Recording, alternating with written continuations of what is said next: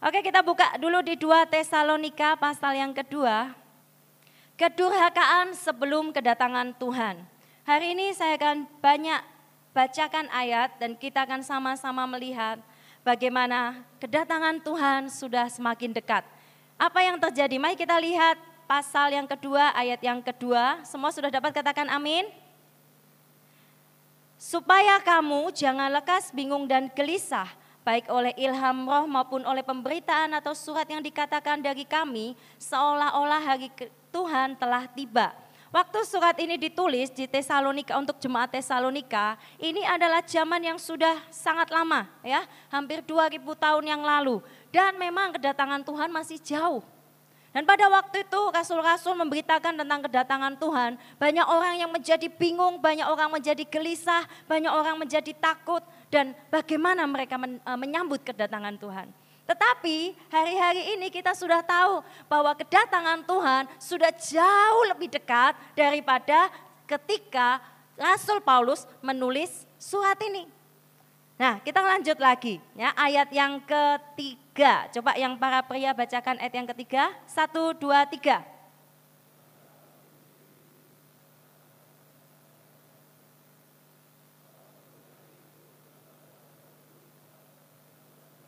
Jangan kamu memberi dirimu disesatkan dengan cara bagaimanapun juga. Coba lihat lagi ayat yang keenam. Yang perempuan tolong baca. Satu, dua, tiga.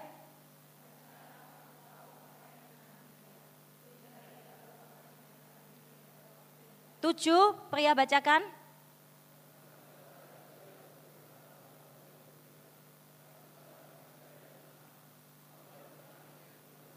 Delapan, perempuan, wanita silakan.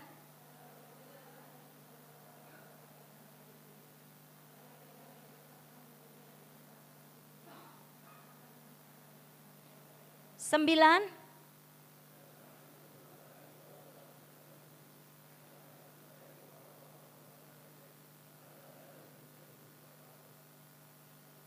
Sudah? Stop sampai situ. Coba lihat ayat yang ketujuh teman-teman. Karena secara rahasia kedurhakaan telah mulai bekerja. Teman-teman, rahasia kedurhakaan sudah mulai bekerja. Secara rahasia itu mulai bekerja. Dan di akhir zaman ini, itu waktu itu ya, waktu di zaman Rasul Paulus itu, itu masih ditahan kedurhakaan itu. Tetapi di akhir zaman ini kedurhakaan itu yang ditahan itu akan diambil. Sehingga di bumi ini akan begitu banyak kedurhakaan yang sudah dibuka. Pada waktu perjanjian lama kalau saya lihat, ketika bangsa Israel atau ketika umat Tuhan, mereka jatuh di dalam dosa, mereka mulai jahat lagi, Tuhan meninggalkan mereka. Lalu Tuhan akan memusnahkan mereka, Tuhan akan berperang melawan mereka. Nah sekarang teman-teman di perjanjian baru, di zaman kita uh, menjelang kedatangan Tuhan, Tuhan tidak lakukan itu lagi. Kalau dulu setiap kali bangsa Israel jauh umatnya mulai menyembah yang lain. Tuhan dengan tangan besi Tuhan hajar bangsa Israel. Tuhan hukum mereka. Sekarang beda. Semuanya dibiarkan seolah-olah dalam tanda kutip. Di satu gereja yang sama ada orang yang paling jahat, ada orang yang paling baik. Ya, ada domba-domba, ada kambing-kambing, ada ilalang, ada gandum di seluruh dunia dibiarkan oleh Tuhan. Sehingga ilalang dan gandum itu sama-sama tumbuh. Domba dan kambing juga sama-sama ada dan berkembang biak. Dan Tuhan membiarkan seolah-olah. Karena apa? Di akhir zaman akan terjadi yang namanya Maleaki 3. Coba kita buka sama-sama ya. Di Maleaki 3 ayat yang ke-18, coba kita baca sama-sama dengan cepat. Karena ayatnya banyak sekali hari ini. Maleakhi 3 ayat 18. 1, 2, 3. Ayo baca sama-sama. Sudah? 2, 3. Maka kamu akan melihat perbedaan antara orang benar dan orang fasik. Terus? Ini Maleakhi berbicara tentang hari-hari kedatangan Tuhan teman-teman. Di mana hari-hari itu akan ada terjadi kembali perbedaan antara orang fasik dan orang benar. Memang semuanya seolah-olah dunia ini dibiarkan sama. Yang kerja dengan cara jujur, yang kerja dengan sungguh susah payah, berkeringat, membanting tulang gitu ya. Dengan orang-orang yang dengan cara menipu, mendapatkan uang-uang yang banyak. Orang-orang yang melayani Tuhan dengan sembarangan. Atau orang-orang yang sungguh-sungguh cinta Tuhan. Semuanya kelihatannya dibiarkan. Tetapi saya percaya firman Tuhan tidak mungkin bohong.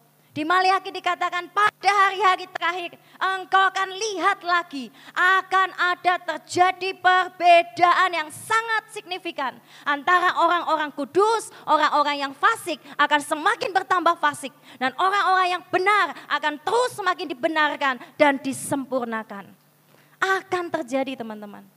Teman-teman di hari-hari terakhir ini kita harus berani untuk beda karena kita tahu iblis sedang bekerja dengan cara yang luar biasa di akhir zaman ini. Dan Tuhan seolah-olah membiarkan umatnya.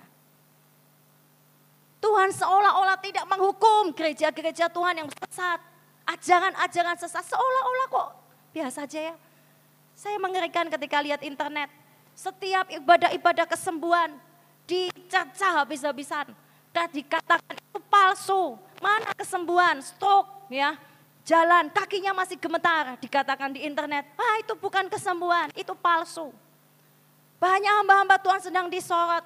Ada lagi lucunya mereka berkata ya, saya baca kisah, puji Tuhan ada seorang martir di Iran yang memberikan nyawanya ketika difoto, dia mau gantung ya, mau digantung dia tuh tersenyum sambil dada-dada.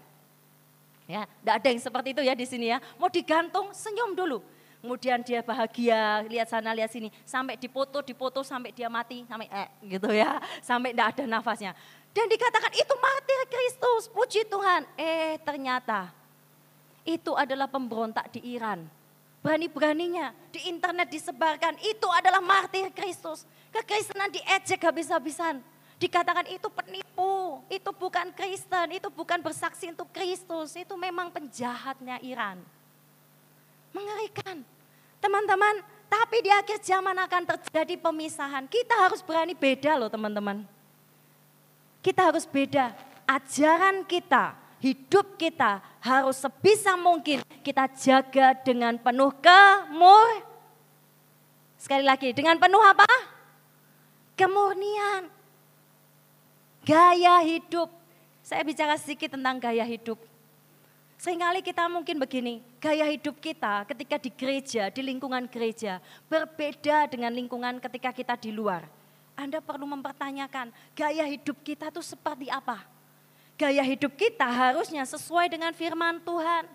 Firman Tuhan katakan misalnya, cukupkan dirimu. Gaya hidup kita gimana? Saya pernah dihubungi oleh seseorang keluarga jemaat Tuhan di tempat ini. Dikatakan, saya nggak percaya orang ini melayani Tuhan Kenapa? Gaya hidupnya jadi batu sandungan buat keluarga. Gimana gaya hidup pengeluaran keuangan kita? Ya, boroskah untuk hal-hal yang tidak penting, untuk permainan game, untuk hal-hal yang kurang berguna. Kita berani habis-habisan, kita berani utang kanan kiri demi membeli game itu. Berapa banyak dunia ini teman-teman, anak-anak muda menghabiskan gaya hidup mereka itu seperti dunia. Tapi ketika ibadah, ibadah. Ketika melayani, melayani. Ada yang salah dengan kita. Saya mau tantang kalian sebelum saya lanjutkan. Gaya hidup kalian bagaimana? Pagi Anda bangun, gaya hidupnya bagaimana? Langsung mandi C, oke. Lalu apa lagi? Sikat gigi C, oke. Gaya hidup lagi apa lagi? Gaya hidup saya buat dosa C di pagi hari, gawat gitu ya. Gaya hidup saya nyontek, gaya hidup saya, saya suka TA, titip absen. Gaya hidup saya, saya suka omong besar ketika marketing misalnya ya. Saya tipu-tipu sana, saya tipu-tipu sini. Gaya hidup kita gimana? Saya adalah orang yang sangat suka fashion, C. Saya tidak bisa kalau tidak fashion. Anda berusaha seperti dunia. Tidak salah teman-teman. Tetapi hati-hati, gala sesuatu tidak yang tidak berguna, yang berlebihan, itu akan menjebak Anda dan membuat Anda tidak akan mencapai hal yang lebih penting yang Tuhan sediakan. Gaya hidup penting. Sebelum saya lanjutkan, saya tekankan di sini. Jemaat Tuhan, gaya hidup doa Anda bagaimana? Gaya hidup bersahabat kalian bagaimana? Gaya hidup berteman Anda bagaimana? gaya hidup Anda dengan teman spesial Anda bagaimana? Dengan teman yang tidak spesial sama sekali buat Anda bagaimana? Dengan orang-orang yang menjengkelkan mungkin. Hati-hati, ada yang bilang, ah aku gak cocok ceh sama orang itu. Ditaruh di satu tim, aduh gak cocok. Gak cocok, gak cocok dan gak cocok. Eh, siapa tahu loh teman-teman itu jodohmu. Kalau cowok dan cewek, eh siapa tahu loh itu ternyata saudaramu sendiri. Orang-orang yang terdekat dengan engkau sebetulnya. Tetapi justru iblis merusak begitu banyak hal supaya Anda tidak bisa bersatu. Anda akan saling salahkan dengan satu tim dengan yang lain. Mungkin itu di teman kerja dan sebagainya. Dan kita merasa tidak puas, tidak puas. Dan kita merasa tidak benar segalanya. Teman-teman gaya hidup kerja Anda bagaimana? Disiplinkah? Sudah jadi berkatkah? Ayo renungkan ini sebelum saya lanjutkan. Karena apa? Di akhir zaman ini Anda akan melihat perbedaan yang akan semakin terjadi. Nantinya Tuhan akan pisahkan itu. Dan penghukuman Tuhan segera datang. Jadi hati-hati teman-teman. ya. Kemudian juga begitu banyak teman-teman akhir zaman ini gereja, ajaran atau anak-anak muda yang hidupnya tidak menjaga dirinya murni di hadapan Tuhan, gaya hidupnya tidak benar antara dunia dengan dia dengan Tuhan ya, campuran, maka ini akan menjadi persembahan-persembahan yang asing di hadapan Tuhan, akan menjadi api-api yang asing di hadapan Tuhan. Dan ini tidak akan menjadi uh, tidak akan mendatangkan kemuliaan nama Tuhan ya. Di firman Tuhan di Yeremia 17 ayat 9 nggak usah dibuka. Di situ dikatakan hati-hati teman-teman dengan hatimu. Apa hubungannya? Hati itu adalah kunci kebangunan. Ulangi kata-kata saya. Hati adalah kunci kebangunan. Teman-teman, ketika hati seseorang sudah membatu, ketika hati seseorang sudah menyimpang, bahkan dia pun tidak menyadarinya. Ketika hati kalian sudah berubah, mungkin tubuh kalian bisa ada di gereja, Mungkin kita masih bisa melayani di dalam kegerakan-kegerakan acara-acara yang ada. Tetapi belum tentu hatimu bersama-sama dengan Tuhan. Hati-hati dengan hati kita teman-teman. Yeremia dikatakan ayat uh, pasal 17 ayat 9. Hatinya sudah membatu, betapa liciknya hati. Hatinya sudah membatu, siapakah yang dapat mengetahuinya? Saya begitu ngeri dengan ayat ini. Kalau kita tidak betul-betul jaga hati kita di akhir zaman, di Lukas ya, saya lihatkan di Lukas 18 ayat 8 nggak usah dibuka. Tuhan bilang begini, kalau aku datang ke muka bumi lagi nanti, adakah aku dapati iman di bumi ini? Betul ada ayatnya? Pernah baca? Yang pernah baca katakan amin. Dikatakan kalau Tuhan datang, kalau aku datang, apakah aku akan mendapati iman di bumi ini? Kenapa seperti itu? Hati manusia di akhir zaman ini sudah semakin berubah. Sudah semakin berubah teman-teman. Dan parahnya teman-teman, iman di muka bumi ini ketika kedatangan Tuhan di hari-hari yang sukar, masa-masa yang begitu sukar, mereka akan menjadi takut. Iman-iman yang suci, iman-iman yang murni akan digantikan dengan berbagai macam. Iman mulai digantikan dengan ketakutan. Iman mulai digantikan dengan cinta-cinta yang dari dunia. Iman mulai digantikan dengan berita-berita yang dari dunia iman mulai digantikan dengan segala kesenangan-kesenangan dunia. Sehingga Tuhan khawatir. Tuhan bisa bertanya, apakah aku bisa menjumpai iman? Kenapa? Iman itu lahir dari apa sih? Iman itu apa sih? Percaya. Engkau tidak akan pernah bisa mempercayai seseorang kalau engkau tidak berhubungan karib dengan orang itu. Setuju? Setuju. Kalau engkau tidak kenal Tuhan, tidak ada pengenalan akan Tuhan secara pribadi, maka engkau tidak akan pernah punya yang namanya iman. Iman itu percaya, walaupun kau tidak bisa melihat, engkau berhubungan dengan roh Tuhan. Engkau menerima dia, engkau berhubungan karib dengan rohnya. Itu iman, engkau bisa percaya kepada dia. Karena engkau punya hubungan karib dengan Tuhan. Oleh karena itu di akhir zaman dengan kata lain Tuhan menjelaskan. Kenapa tidak ada iman? Yesus khawatir kalau tidak ada iman, kenapa? Karena di akhir zaman orang-orang akan menggantikan iman itu, percaya kepada Tuhan dengan segala macam yang lain. Mereka tidak akan punya hubungan pribadi dengan Tuhannya sendiri. Hati-hati teman-teman. Saya tekankan sekali lagi untuk jemaat yang dikasih Tuhan, anak-anak muda di tempat ini. kita harus punya hubungan pribadi dengan Tuhan. Kun hati itu adalah kunci kebangunan. Pikiran adalah kunci kemenangan. Saya ingatkan itu terus kepada anak-anak rohani kita semua. Hati adalah kunci kebangunan. Cinta mula-mula tidak harus seperti yang saya alami, itu yang saya, saya percaya. Cinta mula-mula setiap kita itu berbeda-beda, ekspresi kita dan sebagainya. Ada orang-orang tertentu yang hatinya dikeraskan, tidak mau menerima lawatan Tuhan, tidak mau menerima kebangunan rohani. Hatinya yang keras semakin akan dikeraskan. Hati-hati. Bahkan ketika lawatan itu datang, engkau tidak akan pernah menyadarinya. Engkau hanya cuma melongo lihat. Anda tidak akan takut lagi memberitakan Injil. Ada jiwa-jiwa, aduh kok tidak ke gereja ya? Rasanya hatimu tuh terbakar. Aku harus saja orang ini ke gereja. Eh orang ini ke gerejanya kok cuma biasa-biasa, belum tertanam sungguh-sungguh di dalam Tuhan. Ayo kamu mau tidak aku muridkan? Mau tidak kamu masuk dalam kegerakan Tuhan? Ada sebuah api yang tidak bisa kita tahan. Dan itu tidak bisa dibuat-buat. Itu kebangunan rohani. Kebangunan rohani sekali lagi bukan acara yang indah, yang megah di gedung yang besar. Tidak. Kebangunan rohani lahir dari hati yang benar, hati yang dijaga untuk siap menerima lawatan Tuhan. Hei, hati-hati semua di tempat ini. Apakah hati kalian sudah siap menerima lawatan Tuhan? Kebangunan itu pasti terjadi. Amin. Amin kebangunan rohani pasti terjadi. Entah itu sekali lagi atau dua kali lagi gelombang itu akan terjadi dan selesai. Atau berapa kali lagi saya nggak tahu. Ataukah itu hanya berapa tahun itu terserah Tuhan saya nggak tahu. Tapi saya berharap masa-masa kebangunan rohani yang terbesar di akhir zaman nanti. Saya ingin melihatnya teman-teman. Saya ingin merasakannya. Gelombang yang sangat-sangat besar lebih dari yang saya alami, lebih dari para ibu bapak rohani kami yang tahun 80-an mengalami kebangunan rohani. Lebih dari itu mungkin tahun 60-an mereka mengalami kebangunan rohani mereka sudah tidak ada sekarang. Tuhan akan menyatakannya lagi. Tetapi yang pertanyaannya, siapkah kita? Siapkah Anda teman-teman?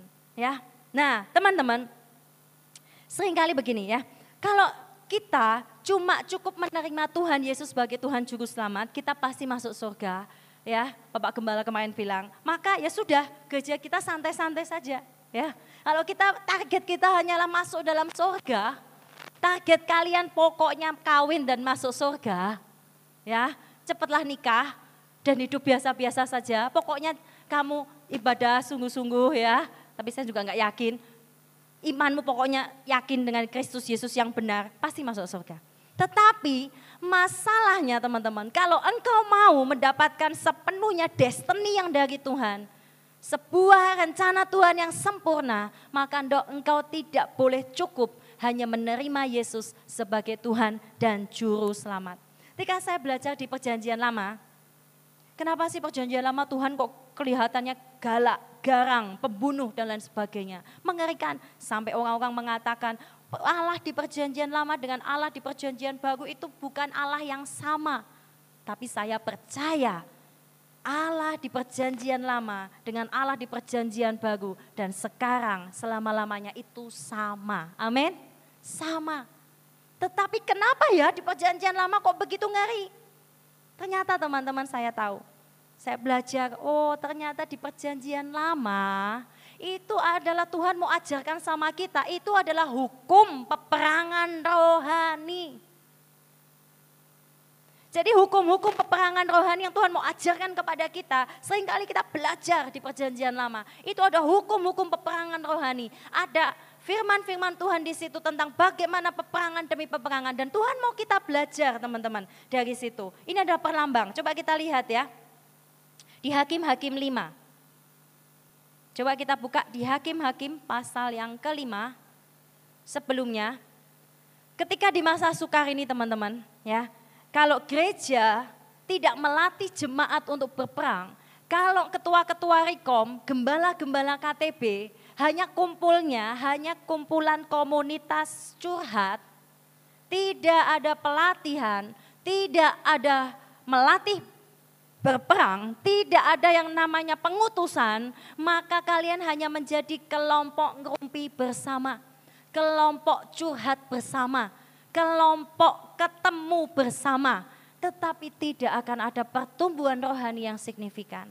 Oleh karena itu, gereja siapa pun, gereja di seluruh dunia, Anda, saya, dan gembala-gembala Rekom dan Rekom-Rekom yang ada, KTP yang ada, jemaat semuanya, kita harus betul-betul mau masuk di dalam peperangan rohani, dilatih oleh Tuhan.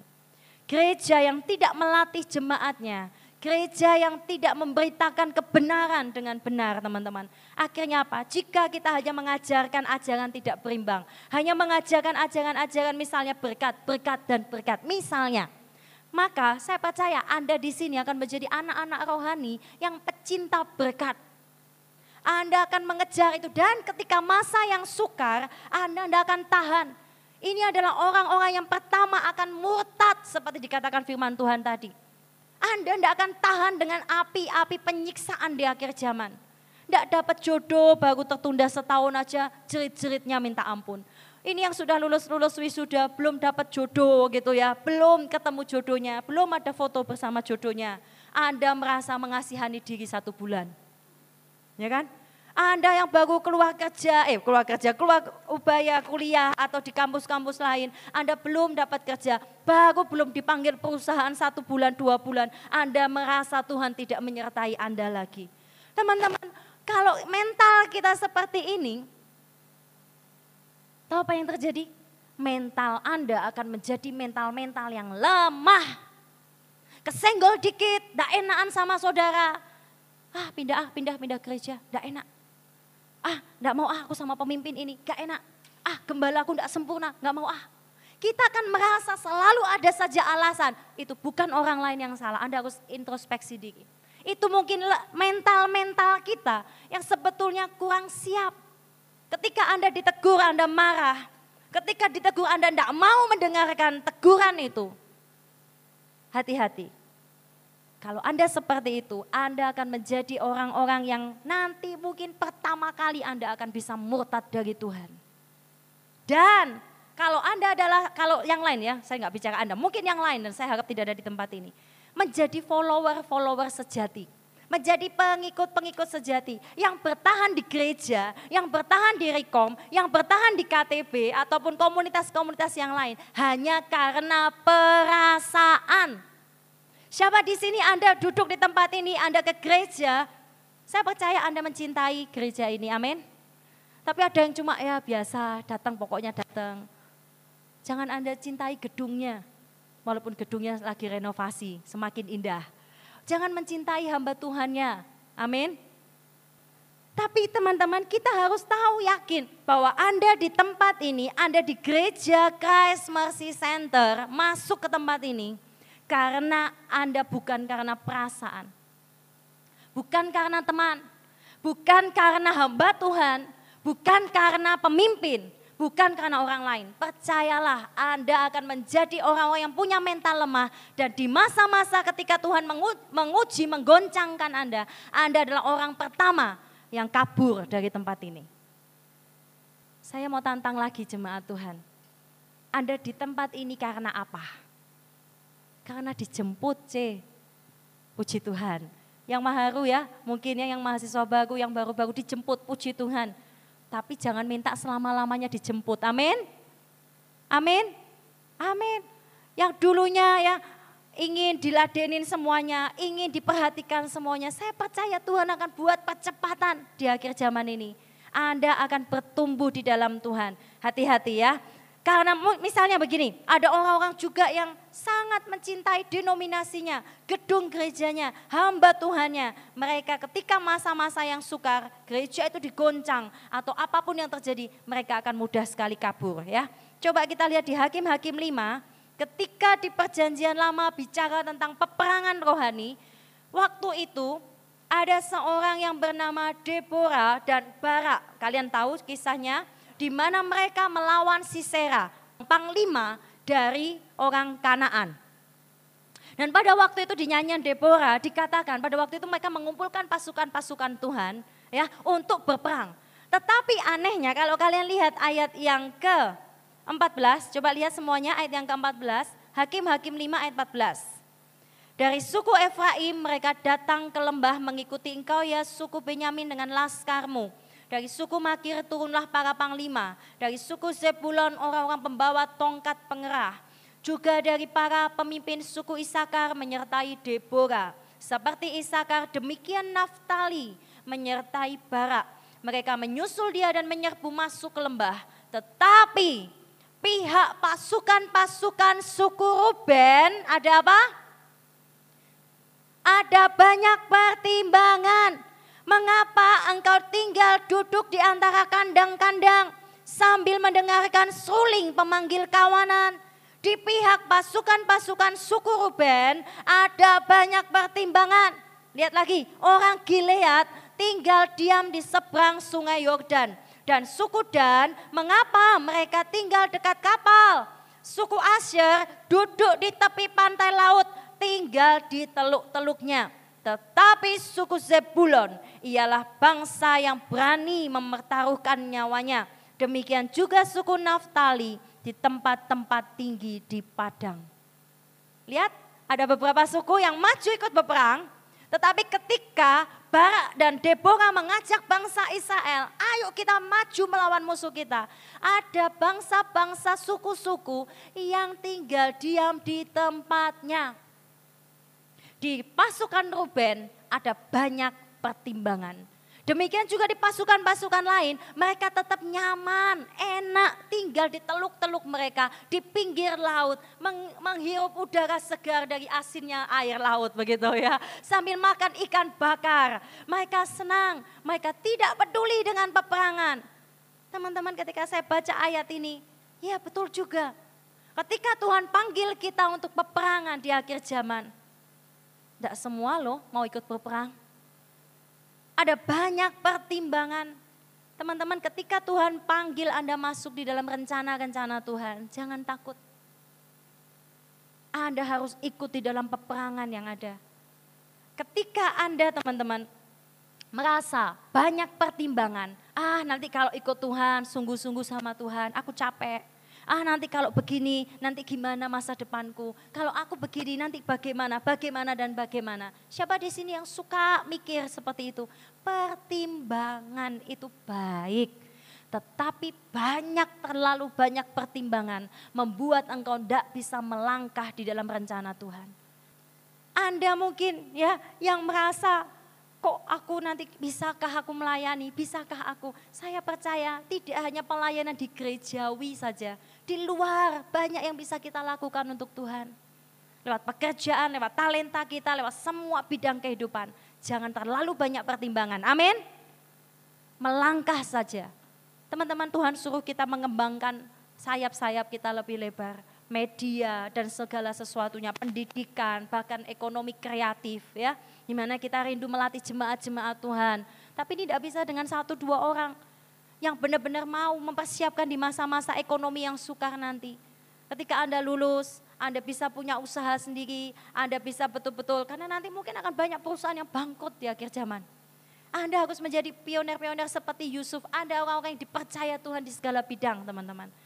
Nah kita sedang berdoa untuk ini. Yang yang menyedihkan anak-anak Tuhan bingung dengan hal-hal yang lain, sibuk dengan hal-hal lain, tetapi Anda lupa membangun kerajaan Tuhan. Ada banyak yang bisa Anda lakukan. Kita undang orang-orang untuk masuk.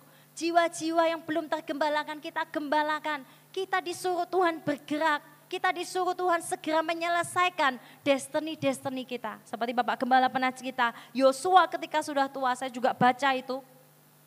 Bahwa Yosua dikatakan, Yosua kamu sudah tua, sedangkan banyak daerah-daerah yang belum terbut. Jangan sampai di sini nanti Tuhan bilang sama saya, Evi kamu sudah tua, sudah 50 tahun. Kalau khotbah suaramu sudah serak-serak basah gitu ya. Kalau kamu sudah nggak kuat lagi keliling retret-retret tiga hari dua malam. Oh kalau 50 tahun masih kuat ya. 70 tahun misalnya. Saya cuma berdoa, jadi berdoa kalau Tuhan Yesus belum datang. Jangan sampai ketika waktunya atau sudah selesai, mungkin saya belum sampai tua Tuhan Yesus datang. Tuhan bilang, aku sudah datang tapi kamu belum selesai. Teman-teman, kita harus menyelesaikan, menunaikan tugas kita. Siapa yang mau angkat tangannya tinggi-tinggi? Kasih tos teman kanan kiri katakan tunaikan tugasmu ya. Selesaikan tugasmu. Kita semua punya tugas loh. Ya, kita semua punya tugas. Nah, teman-teman, di Hakim-Hakim pasal 5 ayat yang pertama, coba lihat sedikit. Di situ dikatakan begini, ayat yang ke 88. Hakim-Hakim 5 ayat 8. Ketika orang memilih Allah baru, terjadilah perang di pintu gerbang. Maksudnya apa? Ketika kita memilih Allah yang baru, maka akan terjadi peperangan. Ya, yaitu kita akan menjadi lawan dari Tuhan. Tuhan akan berperang melawan kita. Itu yang terjadi kalau Anda memiliki Allah yang lain. Jangan heran hidup Anda selalu kalah, hidup kita selalu jatuh bangun di dalam dosa, kalah dan kalah dan kalah. Mungkin Anda sedang memilih Allah-Allah lain.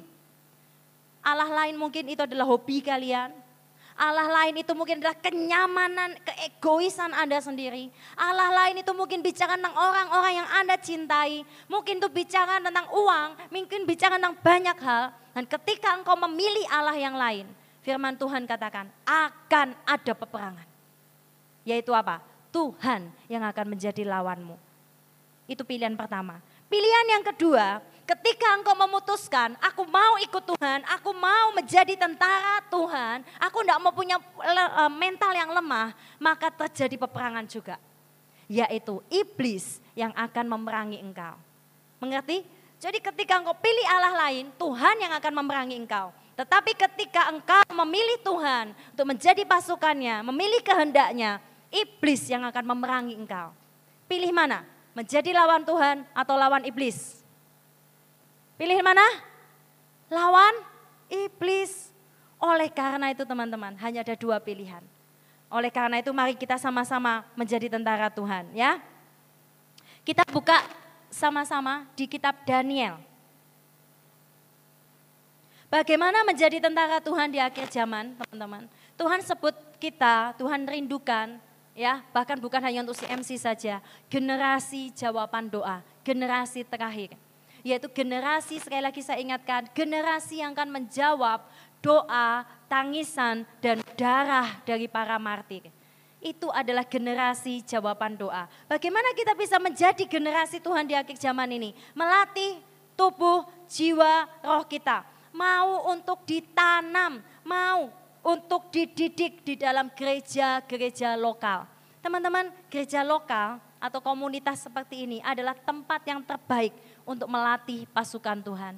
Oleh karena itu Anda yang belum berkomitmen, mau betul-betul punya ibu ayah rohani, pulang dari tempat ini bilang sama gembalamu masing-masing, C, kok aku mau dimuridkan, C, kok aku mau dibimbing. Ya, mau, mungkin Anda merasa bahwa gembalamu tidak sempurna, gembalamu tidak baik, tetapi doakan mereka. Kita semua sama-sama bertumbuh. Kita semua ini satu ya. Nanti saya akan ceritakan tentang itu, tapi sebelumnya kita buka dulu di dalam Daniel.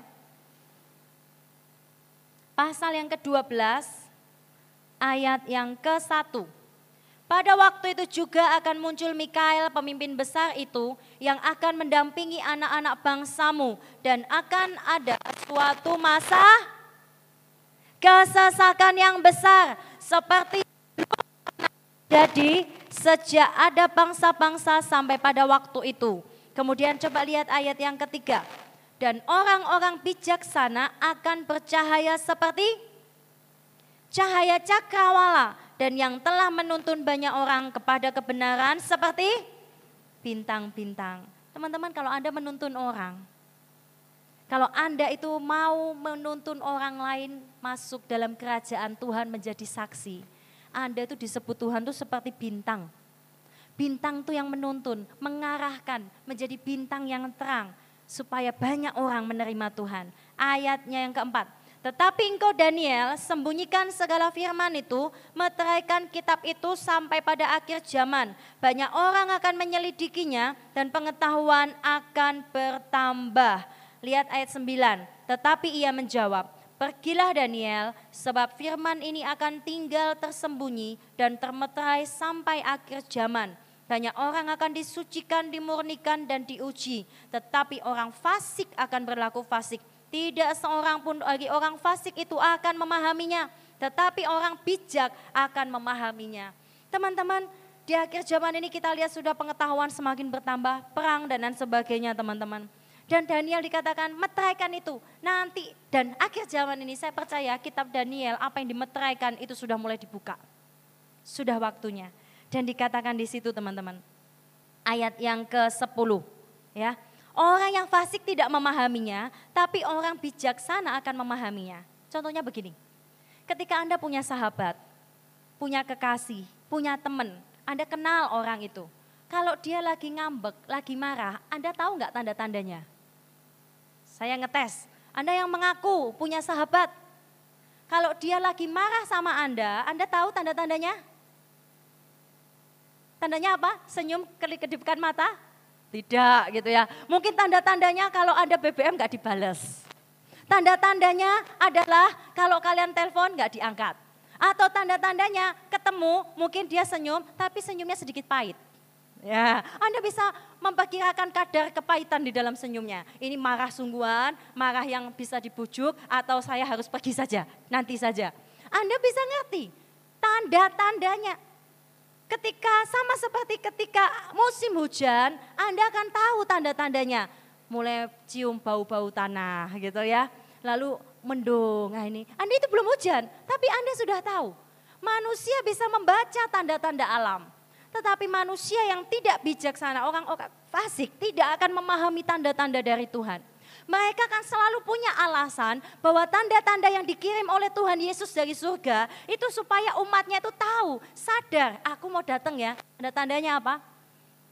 Kalau Bapak Gembala kemarin cerita di Final Destination, bukan Tuhan pakai selebaran lalu kasih undangan, aku mau datang, aku mau datang gitu ya. Tanggal berapa? Enggak, Tuhan akan kasih tanda-tandanya lewat apa yang sudah difirmankannya. Dan kita yang harus sadar tanda-tanda itu. Teman-teman, coba kita lihat slide dulu ya. Coba lihat slide, saya akan tunjukkan beberapa tanda yang sudah digenapi, yang beberapa sudah diteguhkan lagi oleh Bapak Gembala dan sudah akan digenapi dan semakin akan digenapi ke depannya ya. Tuhan Yesus akan segera datang. Ini hanya gambar ilustrasi ya. Saya tidak tahu apakah Tuhan Yesus datang seperti itu atau tidak. Lanjut, lanjut. Nah, ada dokter Carl, Carl Sander ya, Nah, itu adalah penemu chipnya teman-teman. Penemu chip yang di atas itu ya, kalian bisa lihatnya. Itu dia pada waktu menciptakannya saking pinternya teman-teman ya. Tapi dia tidak sadar bahwa di kitab suci, di firman Tuhan itu ada dinubuatkan. Dia mengaku. Anda bisa cek internet ya. Tapi pada waktu selesai sudah jadi, dia baru sadar, eh ternyata itu ada di nubuatan firman Tuhan. Tapi sudah kadung, teknologi sudah berkembang, semua bisa menirunya, membuatnya dan lain sebagainya. Dan memang harus terjadi. Tanda 666 dengan chip dan lain sebagainya. Ini akan terjadi dan sudah terjadi ya di beberapa negara dan bahkan di Indonesia. Dikatakan firman Tuhan lanjut, itu di kitab Wahyu, lanjut. Edi. Wahyu 13 ayat 15 16 ya. Anda bisa baca itu bahwa tanpa tanpa chip itu maka Anda tidak bisa membeli, menjual, dan lain sebagainya. Tanpa tanda 666 itu. Akan ada masa kesesakan yang besar. Dan teman-teman kalau Tuhan bilang ini generasi terakhir dan ini sungguh-sungguh sudah saatnya tandanya, Anda tidak akan tahu kapan Tuhan datang. Dan tiba-tiba mungkin Tuhan akan datang. Dan itu seperti pencuri, benar memang. Dan kalian tidak akan sadar, ini akan terjadi teman-teman dan sudah terjadi ya. Lanjut, apalagi tanda-tandanya? Pengetahuan semakin bertambah. Saya kaget mendengar berita ini ya, bahwa ada orang yang sudah mati, seorang wanita ya, tahun 2013 ya kalau nggak salah itu. Kemudian dia minta sama pacarnya, cara pacar gitu ya, kekasihku, kasihku, aku sudah mati, tapi aku minta awetkan otakku di perusahaan. Kemudian aku minta suatu saat bangkitkan aku dalam bentuk komputer, dalam bentuk komputasi. Jadi otaknya, memorinya semua dibekukan, diharapkan dan para ahli mengatakan ini sangat bisa mungkin satu saat. Dan kalau sampai ini bisa banyak orang berbondong-bondong mengotakkan, eh, mengawetkan otak. Di perusahaan di Amerika sudah ada perusahaan-perusahaan khusus yang mengawetkan jenazah, mengawetkan otak dan lain sebagainya. Ya, dan ini termasuk di situ. Dia ingin satu saat dibangkitkan dari antara orang mati. Walaupun sudah tidak ada tubuhnya, memorinya, bahkan nanti kalau sudah ada manusia hologram, ya tiga dimensi, empat dimensi, maka dia mungkin bisa jadi seperti itu lagi wajahnya dan pacarnya sudah 70 tahun misalnya ya. Tetapi kalau itu masih Tuhan Yesus belum datang. Lanjut. Dan ini yang terjadi dulu tahun 6 60 berapa saya lupa, itu terjadi transplantasi kepala monyet. Dan sempat berhasil. Ya, monyetnya hidup tapi tidak tahu mati lagi rasanya. Ya, tetapi ini akan dicoba tahun 2017 transplantasi kepala. Siapa yang mau tukar kepala? Wajahku kan cantik ceh. Tapi tubuhnya aku kok suka yang itu ya. Boleh nggak tukar kepala? Ada yang pingin? Nah, ya banyak yang meneliti ini. Orang Rusia itu dia lumpuh jadi kepalanya tok yang bagus. Anda lihat ya, seluruh tubuhnya lumpuh, jadi kepalanya tok yang normal bagus dan dia uh, ingin sekali melakukan operasi ini apa pun resikonya dan operasi pertama akan dilakukan 2017 oleh oleh dokter-dokter yang berpengalaman untuk memindahkan kepalanya. Saya nggak tahu tubuh siapa yang dipakai. Dan kalau sampai ini terjadi dan bisa, maka akan terjadi yang mengerikan. Kepala demi kepala akan saling tukar menukar tubuh yang mati akan dihidupkan kembali, entah siapa roh yang di dalamnya. Kita akan melihat zombie-zombie seperti yang dilihat Bapak Gembala beberapa waktu lalu. Ini akan terjadi teman-teman. Lanjut. Kemudian, tiga dimensi manusia hologram. Ini sudah terjadi ya di bandara-bandara tertentu di luar negeri. Itu petugas-petugasnya sudah diganti orang. Kemudian bisa memunculkan uh, secara biasanya dua dimensi. Nah ini sudah ada tiga dimensi dan sebentar lagi akan seperti aslinya nantinya. Hebat ya. Jadi Anda telepon keluar orangnya, "Sing, halo, apa kabar?" gitu ya. Dan ini akan terjadi teman-teman. Sudah terjadi teknologi seperti ini ya. Ini kedatangan Tuhan sudah semakin dekat. Yang Bapak Gembala lihat juga bahkan di pemakaman-pemakaman orang-orang mati, Anda kangen dengan nenek ya. Dan tiba-tiba muncul neneknya di situ dan bisa ngomong ngomong sama Anda. Curhat-curhat di kuburan ya. Bolehlah. Lanjut, lanjut ya. Jangan lakukan itu. Kemudian Sodom Gomora teman-teman. Ya, ini sudah berita lama, Anda sudah tahu. Kalau Anda mengira hanya Amerika yang melakukan ini, Anda salah. Ternyata ada 20, berapa itu? 23, 22, 23 yang negara yang sudah melegalkan yang namanya pernikahan sejenis.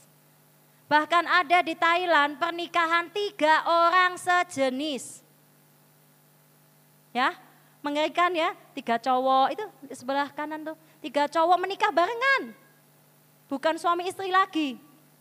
Ya, mengerikan. Siapa di sini jangan sampai ya pemain musik ya bertiga saking dekatnya, saking saling mencintai, tidak ingin terpisah selamanya. Anda melakukan ini. Jangan ya. Di Indonesia tidak ada di situ dan jangan sampai ada ya. Suatu saat mungkin ya kita doakan ini. Ternyata kemudian Afrika Selatan pun saya kaget. Di Afrika pun kok yo ada gitu ya. Di Korea, enggak tahu itu mana saja, saya nggak bisa lihat ya. Nah Anda bisa baca itu. Lanjut. Kemudian perubahan iklim bumi yang mengerikan. Kalau Anda lihat bawah, eh kalau lihat atas dulu itu adalah uh, apa itu namanya? Gletser yang air murni ya, yang yang dingin tuh apa namanya kutub utara. Nah itu sudah kalau dilihat dari tahun ke tahun itu semakin mencair. Nah, otomatis karena panas ya, mencair, mencair, mencair, tentu saja ya eh, kepersediaan air bersih dunia itu katanya semakin berkurang. Kemudian akan membuat permukaan laut semakin tinggi, jelas karena mencair, bumi mencair. Dan nanti lama-lama kalau Anda lihat grafik di bawah itu permukaan air semakin eh, laut semakin tinggi dan akan akan banyak yang namanya tsunami, gempa bumi dan lain sebagainya. Ini perubahan yang ekstrim ya di muka bumi ini. Kalau kemarin kita lihat ada empat gunung meletus, kata Bapak Gembala juga kalau ada sampai tujuh gunung meletus bersamaan ya dan sam, mungkin gunung itu adalah dekat rumah Anda di kampung halaman, hati-hati ya, cepatlah bertobat ya dan cepatlah ungsi, mengungsi jauh-jauh. Lanjut. Nah, beberapa yang lalu pernah ditemukan hujan darah di India. Dan ketika diteliti, dipikirnya tuh hujan darah seperti yang di Inggris. Itu karena apa itu Anda bisa lihat, saya nggak bisa lihat dari sini. Tapi ternyata ketika diteliti itu mengandung sel hidup. Ya, jadi dia mengandung orang yang farmasi Anda bisa lihat itu apa saja unsur-unsurnya saya nggak ngerti. Ya, sehingga dikatakan itu hidup, tetapi tidak bisa dijelaskan. Asalnya ada yang berkata itu katanya ada perang alien. Sehingga berdarahnya alien itu turun. Ya, ada yang berkata oh itu mungkin hujan atau unsur-unsur bumi yang seperti itu jatuh ke bumi. Ya, lanjut lanjut. Bukan cuma itu, terjadi fenomena aneh di akhir zaman ini di beberapa tahun ini. Sungai-sungai, laut-laut itu berubah jadi merah, jadi darah. Kalau Tuhan dulu bilang jadi darah. Tetapi ini sudah seperti darah semua. Entah apa pun penyebabnya. Ya, ada yang bilang, oh ini dari ganggang merah. Ada yang bilang ini dari zat tertentu. Ada yang bilang dan lain sebagainya. Bahkan barusan terjadi kemarin itu di Indonesia sudah terjadi ya. Yang ter terbaru ada di Cina, ada di mana saya lupa saya nggak tuliskan di situ. Anda lihat search di internet. Sudah begitu banyak fenomena yang tidak terjadi di satu negara, di banyak negara merata terjadi sungai-sungai menjadi darah laut-laut menjadi darah. Sudah digenapi. Ya, lanjut. Perang. Saya sudah mencoba dengan etika yang sangat baik memunculkan gambar-gambar yang penuh dengan kesopanan. Ketika saya mencari kok perang, yang terjadi adalah mengerikan. Saya nggak sanggup lihat Karlin jerit-jerit gitu ya di Wenam. Oh, nggak mau lihat, nggak mau lihat. Mengerikan. Kepala terputus, anak kepalanya meledak, keluar semua otaknya. Aduh, saya terpaksa melihatnya ya. Kemudian ribuan orang mati, ada perang Suriah, Gaza, perang Korea dan lain sebagainya, perang dunia ketiga sudah diramalkan. Tetapi itu pasti akan terjadi teman-teman. Korban perang seolah-olah manusia sudah tidak berharga lagi. Lanjut. Selain itu juga kita tahu ya, ini sudah yang paling pose mereka yang paling ganteng saya tampilkan di sini ya. Sebetulnya mereka sangat mengerikan. Pose-pose yang lain yang saya tidak tampilkan, mereka memenggal menggorok kepala dan kepala itu dijejer-jejer. Itu kalian bisa lihat di internet. Dengan sangat bebas Anda akan bisa melihat kepala-kepala itu dijejer gitu seperti api gitu ya. Nah saya lihat ah, mengerikan. Dan mereka tidak tanggung-tanggung menggorok, memotong, mem, e, menembak dan mereka menjadi sangat mengerikan ya. Mungkin kalau ISIS berhasil ditumpas, tetapi spiritnya, rohnya itu tetap ada. Tetapi saya percaya kita berdoa sungguh-sungguh diluputkan oleh Tuhan. Amin. Dijaga berdoa untuk keluarga-keluarga kita teman-teman. Anda di sini yang di luar-luar pulau, luar-luar kota, doa tuduri dengan kuasa darah Yesus. Lanjut. Nah, terjadi darah martir sudah semakin penuh. Saya tidak munculkan ya banyak martir, banyak sekali martir yang sudah mati untuk Kristus. Lanjut. Kemudian satu pemerintahan, one order ya, Illuminati kita sudah tahu, dia memiliki rahasia demi rahasia untuk menguasai bidang-bidang kehidupan, mulai dari ekonomi, ya, kemudian mulai dari musik hiburan, pendidikan, semua bidang dia kuasai, industri, makanan, shampoo misalnya ya, apa pun. Dan kalau sampai ini terjadi dan diperintahkan seperti enam-enam itu tidak boleh, maka bisa. Anda tidak bisa pakai shampoo, Anda nggak bisa makan gitu ya, nggak bisa beli apa-apa. Ya, kita berdoa sama-sama ya. Tapi itu semua akan pasti terjadi karena itu sudah dinubuatkan firman Tuhan. Lanjut. Lanjut. Nah, yang terakhir, sedikit-sedikit lagi ya. Uh, blood moon. Kalau Anda lihat, blood moon tahun 2014 tanggal-tanggal itu dari Pasah, eh, Paskah, Passover ya. Kemudian di Paskah yang kemarin juga terjadi blood moon lagi. Siapa yang lihat? Saya nggak lihat waktu itu.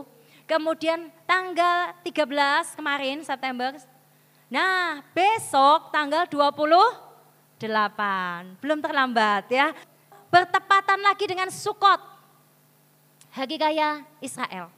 Teman-teman, kalau Anda lihat ini semuanya bertepatan dengan hari raya hari raya Israel. Dan ini dinubuatkan juga ya. Kalau sampai terjadi blood moon berkali-kali dan bertepatan terus dengan hari raya hari raya Israel wow itu kedatangan Tuhan sungguh sudah semakin dekat.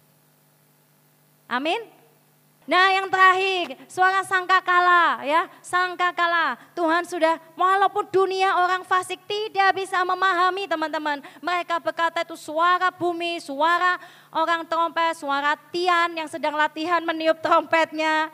Mungkin orang kan berkata seperti itu, oh ini mungkin ada dekat saya, rumah saya itu dekat angkatan darat, eh, dekat ini, sudah sering mendengar suara itu. Orang tidak akan memahaminya. Tetapi yang saya yakini, Tuhan sudah kasih tanda-tandanya. Walaupun dunia mau bilang apa, Tuhan sudah kasih tanda-tandanya. Lanjut.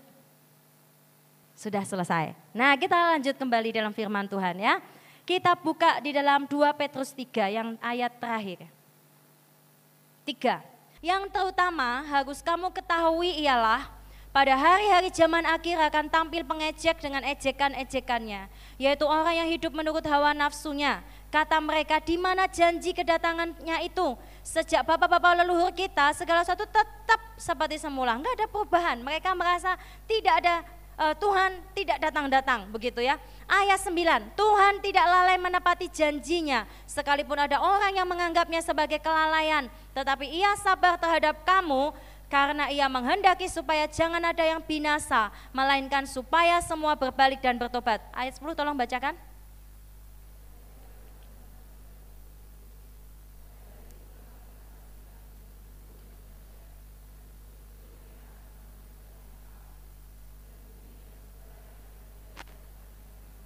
Sebelas baca sama-sama. Jadi jika segala sesuatu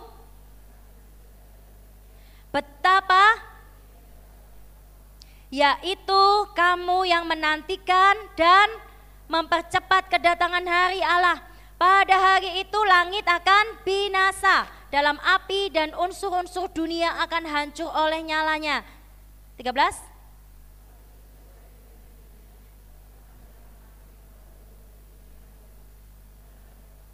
Siapa yang menantikan kedatangan Tuhan angkat tangannya? Siapa yang menantikan bumi yang baru? Amin. Amin, kita semua menantikan. Teman-teman, sebelum kita selesai teman-teman,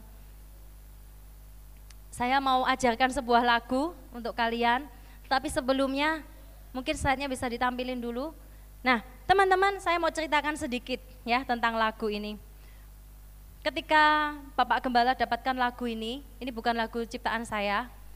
Waktu itu dia melihat ya dalam mimpi atau visionnya, dia melihat orang-orang di belahan bumi sedang berdoa. Nah, ketika mereka banyak orang-orang bukan hanya kita yang menantikan kedatangan Tuhan, tapi banyak orang-orang di belahan bumi, mereka sedang menantikan kedatangan Tuhan. Mereka ada yang teraniaya, mereka ada yang tersiksa, mereka adalah orang-orang yang mungkin martir, mereka begitu susah beribadah, mereka begitu menangis dan menantikan kedatangan Tuhan, teman-teman. Nah, mungkin teman-teman kalau Anda bisa mengerti perasaan orang-orang seperti itu, mereka menjerit sama Tuhan dan berkata, Tuhan, kalau bisa bawa aku pergi. Bawa aku pergi dari bumi ini. Bawa hatiku pergi kalau mungkin tubuh kita belum diangkat, belum ada pengangkatan dan kita belum mati begitu ya. Kita bilang Tuhan aku ingin pergi bersama engkau. Dan dikatakan di slide selanjutnya, coba slide kita lihat lanjut, lanjut lagi. Nah teman-teman kasih Tuhan itu tidak pernah salah. Pernah enggak kita kadang meragukan kasih Tuhan? Saya sering. Pernah enggak kita sering kali merasa bahwa Tuhan lalai di dalam menepati janji-janji Tuhan? Mungkin kita merasa Tuhan tidak melakukan semua yang dijanjikannya. Mungkin kalau Anda bisa merasakan dari tangisan para orang-orang kudus Tuhan, mereka yang berdoa menangis teman-teman. Anda bisa rasakan dari lagu ini. Artinya Tuhan, kasih Tuhan itu tidak pernah salah. Pilihan Tuhan, cinta Tuhan, jalan-jalan Tuhan dalam hidup kita itu tidak pernah salah. Amin. Amin. Kita belajar lagu ini sama-sama ya. Mata boleh dibuka dulu, Anda bisa hafalkan dengan cepat. Anda jemaat yang pintar. Amin. Bawa hatiku pergi bersamamu Cinta ini hanya jadi milikmu tak mungkin dapat dilepaskan. Walau oleh genggaman waktu. Bait yang kedua. Sebab engkau maha tahu dan sempurna. Keadilanmu tak pernah bersalah Dalam pahami bahasa air mata. Tuhan inilah hidupku. Kita ulang dari awal lagi ya. Tiku pergi bersamamu. Kita sama-sama nyanyikan. Cinta ini hanya jadi milikmu. Tak mungkin dapat dilepaskan. Walau oleh genggaman waktu.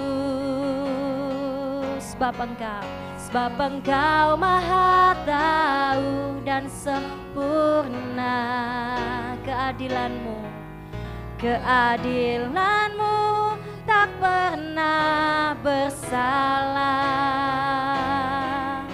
Dalam pahami bahasa air mata Tuhan inilah hidupku.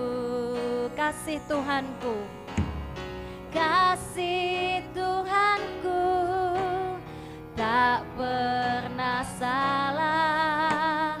Kasih Tuhanku tak pernah gagal. Kasih Tuhanku tak pernah lalai. Dia sanggup tepati yang dia janjikan. Kuasa Tuhanku Kuasa Tuhanku begitu heran, begitu heran. Kuasa Tuhanku begitu besar, begitu besar. Kuasa Tuhanku begitu ajaib, Dia sanggup selesaikan semua firman-Nya. Kita bangkit berdiri.